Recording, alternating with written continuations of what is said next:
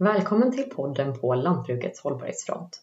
Podden där vi gör in och utblickar i olika delar av lantbrukets klimatomställning. Idag ska vi prata biogas och jordbrukets potential att bidra till biogasproduktionen i Sverige.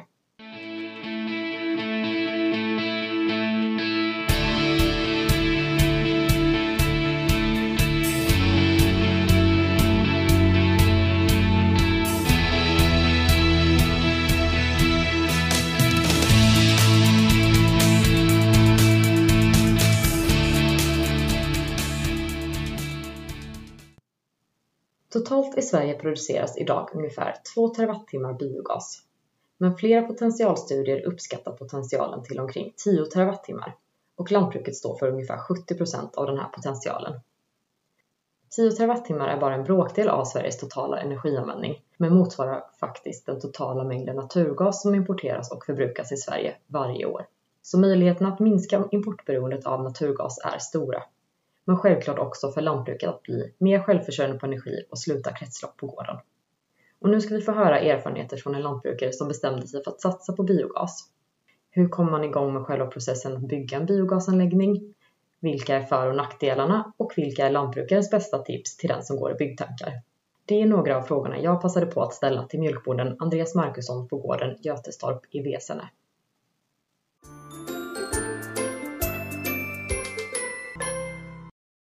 Jag heter Andreas Markusson och driver en mjölkgård tillsammans med min bror Mattias Markusson. Vår gård ligger i Vesene i Herrljunga kommun. Vi har ungefär en eh, 400 mjölkande kor och eh, ungdjur utöver där.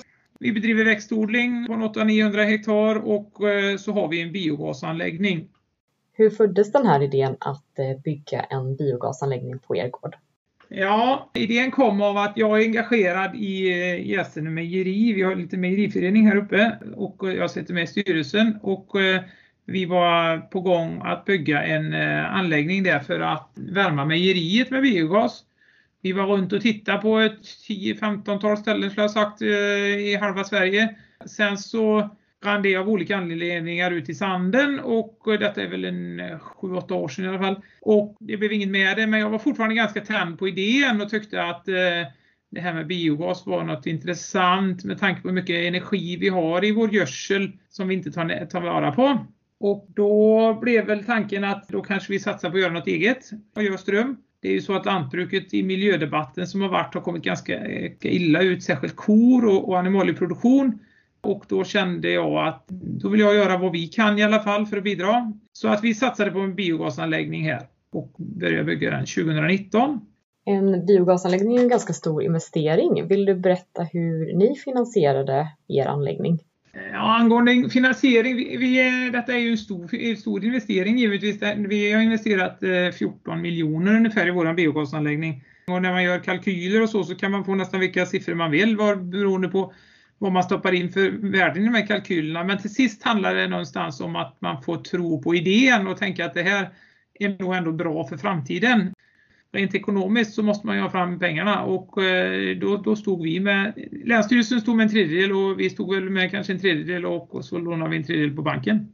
Det handlar ju om att man har lite muskler när man startar en sån här investering för det är klart att det kanske inte är den investeringen som man tjänar mest pengar på. Då kanske jag kunde gjort något annat med de här pengarna om jag bara var ute för pengar. Men om man ser på de mjuka värdena också så tycker jag att eh, det är en vettig investering. Man har eh, bland annat miljöeffekten, man har att gödseln blir lite vassare och man har eh, framförallt att gödseln luktar mycket mindre när man sprider den. Och det är det är inget ekonomiskt argument men det är ett starkt argument ändå för när, man har sån mjölk, när man har sån intensiv produktion som vi har så, så håller man på med den här gödseln ifrån mars till eh, oktober kan man säga och, och, sprider och då är det rätt skönt att känna att den luktar betydligt mindre. Och det här med själva processen att komma igång. Vad skulle du säga vad var liksom de första stegen? Du berättade att ni var, ni var och kollade på ja, en del precis. anläggningar runt om i landet. Ja, det, det, det föddes väl där. Vi var ju som sagt, vi var ju runt och tittade på jättemånga anläggningar i landet och fick se väldigt många olika lösningar. Eh, vi såg billiga lösningar och vi såg dyra lösningar och vi såg lösningar som funkar och vi såg lösningar som inte funkar. Och vi, jag tyckte att, att vi hittade ett ställe som hade en väldigt fin anläggning och, och han var öppen med vad som funkar och vad som inte hade funkat och eh, sen körde vi nästan en rip-off där. Vi tog allt han alla de idéer som han hade haft och, och, och så, så byggde vi en likadan anläggning kan man säga. Och det var givetvis en process med tillstånd från kommunen och, och, och hela den här biten. Och, och, upphandling eftersom inte jag köpte en jag köpte inte en nyckelfärdig anläggning utan jag köpte en bit här och en bit där och så skulle det sys ihop. Så det var många kontakter som skulle hållas och tas i. Men eh, det föll sig ganska naturligt. Jag, som sagt, jag fick väldigt många ingångar från det här andra stället jag hade varit och tittat på. Många kontakter den vägen och ja, jag tog upp dem och sen så flöt det på ganska bra tycker jag. Så mycket eh, lära utav hur andra har gjort. Men behövde du också ta hjälp av eh, externa parter för att till exempel det här med tillståndsprocesser och... Alltså tillståndsprocessen, tillståndsprocessen var ju ganska enkel här för att vi, har ju en, ändå en förhållandevis liten biogasanläggning vilket gör att den fyller inte in under att behöva göra ett MKB utan den, den, den för, jag behövde söka tillstånd hos kommunen. Sen sammanföll det med att jag skulle göra ett MKB på hela företaget. Men jag fick in det här med, med tillståndet kommunen, det fick jag in före. Vilket innebar att jag hade tillstånd att köra igång med detta innan jag startade mitt MKB för övriga företaget på grund av djur, eh, att djuren blev så många. Men visst hade jag hjälp av lite konsulter. Jag kan inte allt utan jag, jag får ta in hjälp från andra när jag inte begriper. Du är såklart nyfiken på hur mycket biogas producerar ni? Vad har ni för kapacitet på anläggningen? Vi har en, eller en rötkammare har vi som har en, en, en volym på 1500 kubik och den har en uppehållstid på runt 30 dagar. Så vi kör igenom en eh, ja, 16, 17, 18 000 kubik eh, gödsel om året och eh, då är kanske 2-3 000 ton fastgödsel utav det. Vi har en generator som kör, kan köra 100 kW i timmen och ger alltså 800 000 kWh om året ungefär och då ska det generera energi på 2 400 kilowattimmar energi varav två tredjedelar blir värme och en tredjedel blir el. Då. Och vi ligger på runt en 40-45 kubik eh, rågas i timmen kan man säga. Och generatorn kör vi vintertid 80-90 procent kanske och sommartid när man har djuren ute går den ner mot en 50-60 procent för då blir det inte lika mycket gödsel när djuren är på bete det blir ju en del eh, vad ska man säga, spillvärme i den här processen. Hur utnyttjar ni den? Alltså när man gör eh, e- el som jag gör då så blir det en del el som vi använder här på eh, företaget och säljer men sen blir det också två delar värme. Och utav de här två delar värme så tar vi en av de delarna värme. Det behövs för att värma själva anläggningen och sen blir det en del värme över. Och eh, dels så värmer vi en, eh, en maskinhall som vi har byggt allt, allting runt biogasen är i detta hallen. Där tar vi värme och värmer den och sen har vi även grävt upp eh, värmekulvertar upp till stallarna så vi tar och värmer allt varmvatten i stallarna till 80 grader. Vi spetsar dem lite sen Sen håller vi på nu och bygger en spannmålstork, en, en planlagertork där vi gräver ut kulvert så vi ska kunna eh, blåsa varmluft på spannmålen under, ja, på sommaren har man ju mycket värme över helt enkelt. Och då tänker vi att i augusti, september och en del av oktober kanske vi kan ta värmen och köra ut till eh, spannmålsanläggningen istället. Vi har ju haft en, en oljebrännare, eh, en varmluftstork då. Så att det är ju tänkt att vi ska ta bort den helt och hållet och så ska vi köra, köra den på detta viset. Men vi får ändå en hel del värme över kan man säga. Men värme är ju svårflyttat. Det måste ju användas ganska lokalt så att man får tänka till. Jag undrar också om du har haft några idéer kring att eh, uppgradera biogasen? På gårdsnivå så är det, ju, det är stora investeringar och, och, mycket kring detta. Jag är med i ett projekt via RISE i, eh, på ett litet hörn. Det handlar om att eh, uppgradera gasen genom att rena den i aska. Och det är ju ett alternativ i, i småskaligt, på ett småskaligt sätt rena gasen då kanske för att kunna använda till maskiner på gården. Sen ska du uppgradera den och trycksätta den och så. Det är en ganska stor process.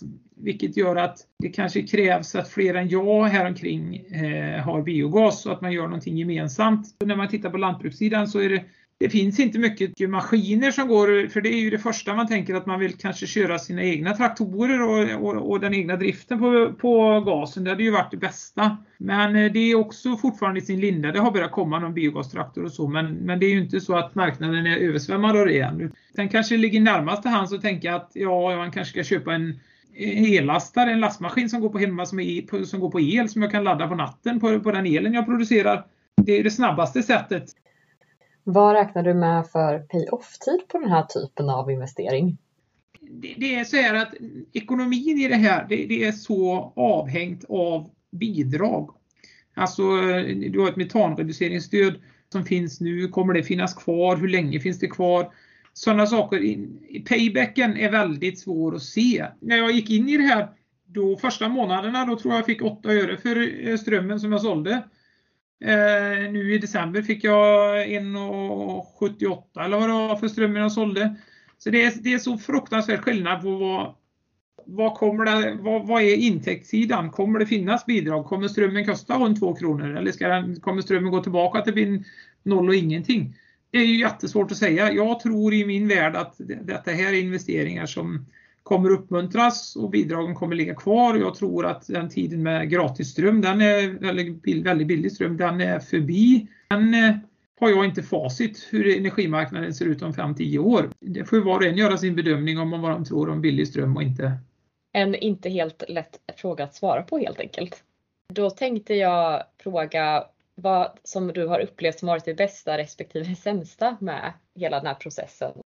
Ja, det, det bästa tycker jag väl är att eh, dels så har jag inte fått några elfakturor nu i vinter utan jag har fått pengar tillbaka.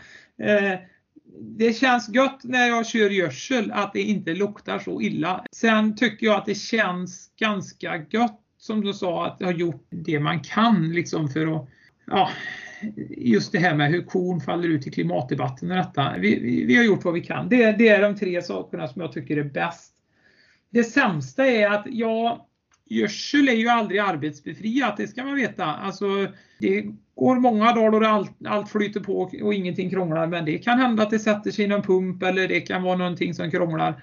Och så är det väl med alltid att vad man än ger sig på så innebär det arbete, men det är väl den sämsta, sämsta delen då i så fall. Plus att det var en ganska stor investering. Och avslutningsvis, vad skulle du ha för tips till den som funderar på att anlägga en biogasanläggning på gården? Ja, det är just det när vi kommer tillbaka till gödsel. Det ska hanteras gödsel och bygg ett väldigt robust system. Tänk igenom hur ska jag underhålla det här? Hur ska jag kunna tömma stenfickor och så på ett väldigt enkelt sätt utan att det rinner ut gödsel på golvet och, och jag måste sopa och hålla på. Och hur ska jag kunna, om det stannar en pump, måste jag skruva loss allting och lyfta upp allting? Eller går det att sköta underhåll och, och, och sånt från utsidan? För allting krånglar till sist. Och, och, då är det gott att inte behöva göra för stora insatser eh, för att komma åt saker. Utan eh, Bygg ett robust system med eh, saker på pumpar, motorer, omrörare, allting sånt så att du kommer åt det utifrån. Det, det bör flytta på enkelt, själva den dagliga driften.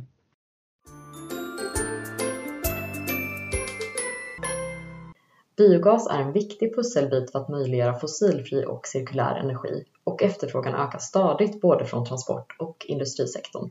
Biogasen pekas också ut som en viktig pusselbit i exempelvis Repower EU, som är EU-kommissionens plan för hållbar och trygg energi till ett överkomligt pris i EU och som är ett svar på de akuta störningar vi ser på energimarknaden i dagsläget. Och någon som har kikat närmare på jordbrukets potential att producera biogas är Stephanie Fjell, som i sitt examensarbete undersökt möjligheten att öka den jordbruksbaserade biogasproduktionen i Västra Götaland.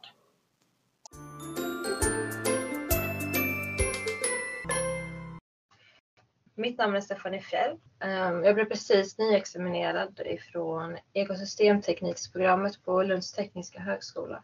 Och jag har utfört eh, ett examensarbete på RISE. Det är det jag ska presentera lite vidare.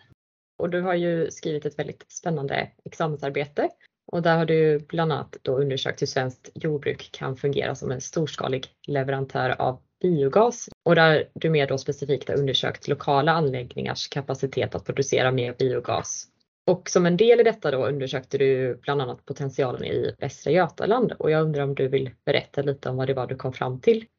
De resterna med störst potential var flytande gödsel från kor och grisar i Västra Götaland. Men det var också en väldigt stor potential från eh, djupströbäddar djupströbäddar, fastgödsel från kor. Men även eh, hästgödsel och från de eh, från grödor så fanns det väldigt stor potential i höstvetehalm och eh, kasserat och överblivet vallensilage.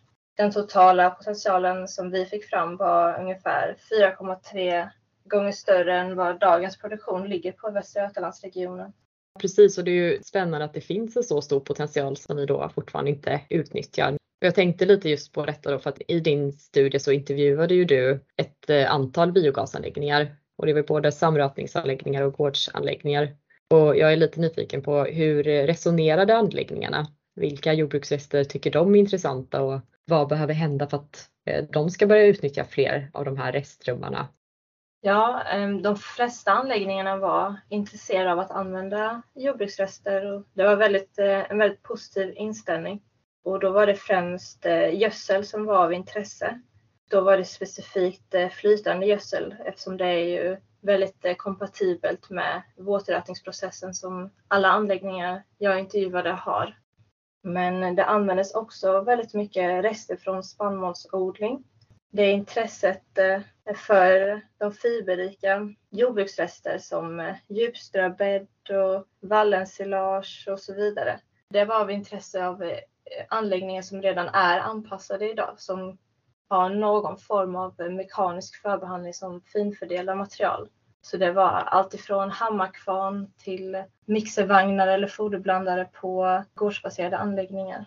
Vill du kanske säga någonting om vilka hinder lantbrukarna ser och varför vi inte redan har en storskalig produktion idag? De hindren som anläggningarna såg var främst då för de här om fiberrika resterna som behöver eh, en anpassad anläggning och det kan ju vara inte bara mekanisk förbehandling utan starkare omrörning eller toppomrörare. Ehm, och sen så var det såklart den ekonomiska biten att inte bara investera i ny utrustning utan ja, köpa in substratet och även det var ett, eh, en diskussion kring vallgrödor. Att det, det, finns ett intresse av att odla vallgrödor för att förbättra till exempel jordkvaliteten men då måste det finnas ett ekonomiskt incitament och i dagsläget så kan, kan man inte rättfärdiga inkomsten från biogas eh, jämfört med kostnaden för odlingen av vallen. Så där har ju gödslet en fördel, alltså man får ju stöd av att röta den. Ja men eh, jättespännande att få lite inblick i hur själva biogasanläggningarna eh, resonerar. Du nämnde ju innan den här potentialen som var 4,3 gånger dagens produktion tror jag du sa. Vad, vad, är dina tankar kring vad som skulle krävas för att faktiskt realisera den här potentialen i regionen? Men just flytande gödsel, det behöver man inte göra någon anpassning för utan det är bara att få in i biogasanläggningarna. Och, men de här torrare och fiberrika och det, eh, jordbruksresterna de behöver ju en annan process. Och det är ju allt ifrån halm, eh, ballensilage, vallensilage, djupströbäddar, hästgödsel. De kommer man inte använda förrän det finns anpassade anläggningar. Och då är det främst mekanisk förbehandling eftersom du behöver få det pumpbart och de, det är för stora partikelstorlekar för att eh, få in i en våtrötningsprocess. Och eh, då så såg jag att med hammarkvarnar kan vara ett bra alternativ i samrötningsanläggningar. Eh, men för gårdsbaserade anläggningar så fanns det flera exempel eh, där man har använt olika utrustningar och då var det foderblandare, eh, macerator, skärande pumpar som man kan använda sig av. Har du något exempel där en uppgradering av tekniken har gjorts på gården för att kunna inkludera fiberrika substrat? Jo, det var en anläggning som ligger angränsande till Västra Götaland i Långhult. Och då var det att eh, de hade använt flytgödsel först, men sen hade de lagt till en foderblandare i efterhand. Och då hade de gjort det genom att eh, finfördela i foderblandaren och sen så blanda ihop med flytgödslet i en brunn där man lät men grus och sånt som kan hamna i djupströbädden sedimentera. Och sen så pumpar det genom ett galler. Ehm, så då kan man säkerställa att det kommer inte igenom några oönskade större partiklar. Så det är ett exempel där man ja, du lägger till en foderblandare bara. Eh, då tänkte jag om du ville berätta lite mer för du kikade ju också närmare på det här med förbehandling av fiberrika eh, jordbruksrester. Du nämnde ju några stycken där med ja, halm och skörderester och, och du kollade ju bland annat på det här med energin då som krävs för förbehandlingen jämfört med energin man får ut. Vill du berätta lite mer om den delen i, i din studie? Jo, då räknade jag bara på energibehovet och eh, kostnaden av den elektriciteten man använder sig av. För gödsel så var det 8 till 20 kilowattimmar per ton våtvikt. Då var det fastgödsel och djupströ. Och sen så för halm och vallenslage var det 30 till 55. Och eh, då så visade det sig att eh, alla de här siffrorna gav en positiv energibalans. Så man fick ut mer energi än vad man behövde investera. Men sen så kollade jag ju på när brytpunkten var, när det slutade vara lönsamt och för gödsel så var det 60 kilowattimmar per ton våtvikt. Och för halm så var det 290 kilowattimmar per ton våtvikt. Och vidare berättar Stephanie att man även behöver kolla närmare på vad för energi man får ut eftersom att man ju investerar elektricitet och får ut biometan. Så alltså hur de här två energislagen står sig mot varandra och också att kalkylen inte går ihop sig i Stefanis beräkningar när man har en elkostnad på 3 kronor per kilowattimme jämfört med en inkomst på biogasen på 80 öre per kilowattimme. Min sista fråga är ju helt enkelt om du har några andra intressanta lärdomar från ditt arbete som du skulle vilja dela med dig utav? Jo, men det var väl att de som använde sig av fiberrika jordbruksrester, då var det några gårdsbaserade anläggningar som använde sig av djupströbädd och samräkningsanläggningar som använde sig av eh, Eh, rester från eh, spannmålsodling. Eh, att de hade en väldigt positiv inställning till att röta de här substraten. Trots att när man läser i litteraturen eller kanske pratar med andra anläggningar som inte anpassar så känns det som att det är mer associerat med utmaningar och att det kanske är en lite mer negativ inställning. Så det var kul att se att de som faktiskt använder det ändå känner att det är ett bra substrat att använda sig av. Det var väl bra avslutande, en liksom positiv avslutande kläm på det hela. Och att, ja, men att det kan skilja sig hur det faller ut i praktiken jämfört med i, i litteraturen som du säger. Tack så jättemycket för att du delar med dig av eh, de intressanta resultaten som du kom fram till i ditt eh, examensarbete.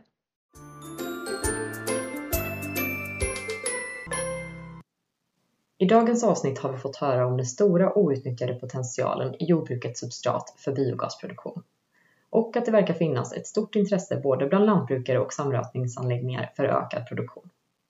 I nästa avsnitt ska vi fortsätta prata biogas och där ska vi ta ett större grepp om frågan och prata om vad som faktiskt behöver hända för att vi ska realisera potentialen och också om hur vi maximerar nyttan till lantbrukarna när fler aktörer får upp intresset för gödsel och jordbrukets restströmmar. Vill ni läsa mer om ämnet hittar ni länkar till rapporter som vi tagit upp i dagens avsnitt i avsnittsbeskrivningen. Tack för att ni har lyssnat och stort tack till dagens talare Stephanie Fjell och Andreas Markusson.